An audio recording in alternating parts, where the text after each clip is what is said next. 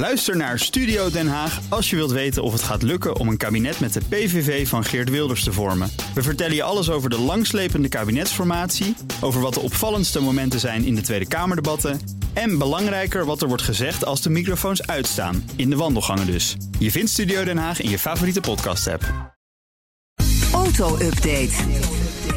Nout Broekhoff, goedemorgen. Goedemorgen, Bas. Er zijn problemen bij Polestar. Dat is dat elektrische submerk van Volvo. Daar hebben ze de Polestar 1 en de Polestar 2 inmiddels, maar er zijn problemen. Ja, met die twee. Ja. Oh. Alle Polestar 2-auto's die tot nu toe geleverd zijn wereldwijd... moeten terug naar de garage. Is dat zo'n SUV-achtige auto? Nee, dat is een sedan. Dat is een sedan. Ja, Oh, ja. De, de Tesla Model 3 Killer. Ja. Nou, Maar wat is er hij met niet. Hij killt zichzelf. Ja, eh 2200 van die auto's moeten eh, terug. Ze zijn pas eigenlijk net begonnen met het afleveren van die auto. Ja. er zijn softwareproblemen. In verschillende landen eh, hebben eh, klanten dat ontdekt. Meerdere auto's betreft dit. Ze verloren vermogen of vielen zelfs helemaal uit.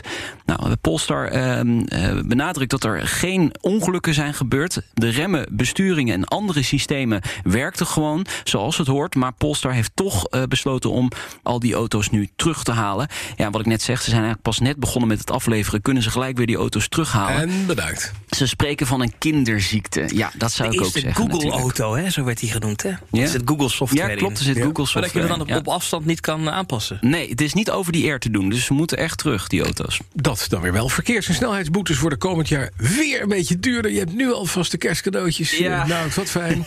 Inderdaad, gemiddeld met 1,6 procent. Dat is natuurlijk eigenlijk de inflatiecorrectie, meldt Top Gear. Eh, die heeft het document ingezien van het eh, ministerie van Justitie en Veiligheid.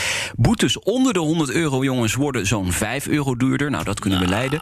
Boven de 100 euro 10 euro. Dus telefoon vasthouden is nu 250 euro in plaats van 240. Onnodig linksrijden vinden wij heel vervelend. 150 euro. En blokkeer je een kruispunt, dan betaal je volgend jaar 250 euro. Wordt onnodig linksrijden überhaupt wel eens uitgeschreven? Ik hoop het wel. Ik zou dat graag, dat, Maar dat boekje zou ik en wel hebben. op een kruispunt. Ja. Welke gek doet dat? ja, echt. Nou, Dat vind ik ook wel. Dat je dan gewoon, dat mag je ook gewoon serieus moeten krijgen. Precies. Oké, dan Honda stapt na volgend seizoen uit de Formule 1, maar zegt de autosport niet helemaal vaarwel. Heel opmerkelijk verhaal. Kijk, Honda Ja. blijft actief tot het eind van dit decennium in de IndyCar. Hebben ze dit weekend bekendgemaakt. Nog zeker tien jaar dus. En dat terwijl vrijdag inderdaad bekend werd gemaakt dat Honda de Formule 1 verlaat. En dat zou dan allemaal om ja, milieuredenen zijn. Hè. Ze willen weer wat duurzamer worden. Elektrisch rijden is natuurlijk belangrijk. Dus dit is gewoon een heel tegenstrijdig verhaal. Vrijdag zeg je ik stap uit de autosport. En dan een dag later zeg je nou we blijven wel in de IndyCar. En ja, er komt wel een nieuw motorreglement aan. Een 2,4 liter hybride V6 twin turbo motor komt eraan in, eh, in de IndyCar. Maar ook dat is natuurlijk niet super zuinig. Laten we Nee, eh, eerlijk nee, zijn. Nee, tegenstrijdig verhaal vind ik. Dan moeten we nog even hebben over Janne Bouvry. Afgelopen weekend overleden. Een enorme autogek. Ik ken hem van de Porsche-auto's. wit. Altijd wit, wit, wit, wit. Wit, wit, wit. En maar ook heel veel zwarte auto's. Hè. Ja, dat is natuurlijk. Eh, het is of wit of zwart. Ja, hij heeft eigenlijk een eigen autocollectie eh, verzameld. Met zes auto's uit zes verschillende landen.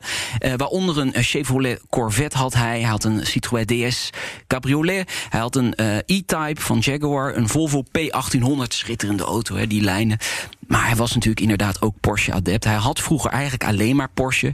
En ehm, eh, bijvoorbeeld de 356 Speedster, ook een schitterende auto natuurlijk. Dus hij heeft gewoon een eigen collectie gehad. Het- ja, hij reed eigenlijk het liefst volgens mij in de Alfa Romeo, Romeo 8C Competizione. Een, een Natuurlijk. schitterende auto in het wit. Daar zijn er ook niet heel veel van. Hij was ook de eerste bezitter in Nederland van een DeLorean. ja, Back Ja. to the Back to the Future. Auto. Ja, zeker.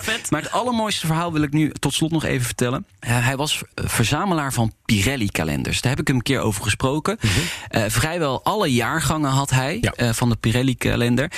Enkel een aantal jaargangen niet. Hij heeft een keer een oproep gedaan bij eh, de Autoshow om eh, die laatste jaargangen ook te krijgen. En eh, ik weet niet of het gelukt is, maar in ieder geval hij heeft heel veel aanvragen toen gekregen van wil je mijn Pirelli-kalenders overnemen? dus eh, waarschijnlijk zaten er nog wel een paar jaargangen tussen die hij nog niet had. Niet had. Ja, Geweldig. Ja, fantastische man. Ja. En eh, helaas overleden. Dankjewel. Nou, Ja. Broekhoff. De BNR Auto Update wordt mede mogelijk gemaakt door Lexus. Nu ook 100% elektrisch.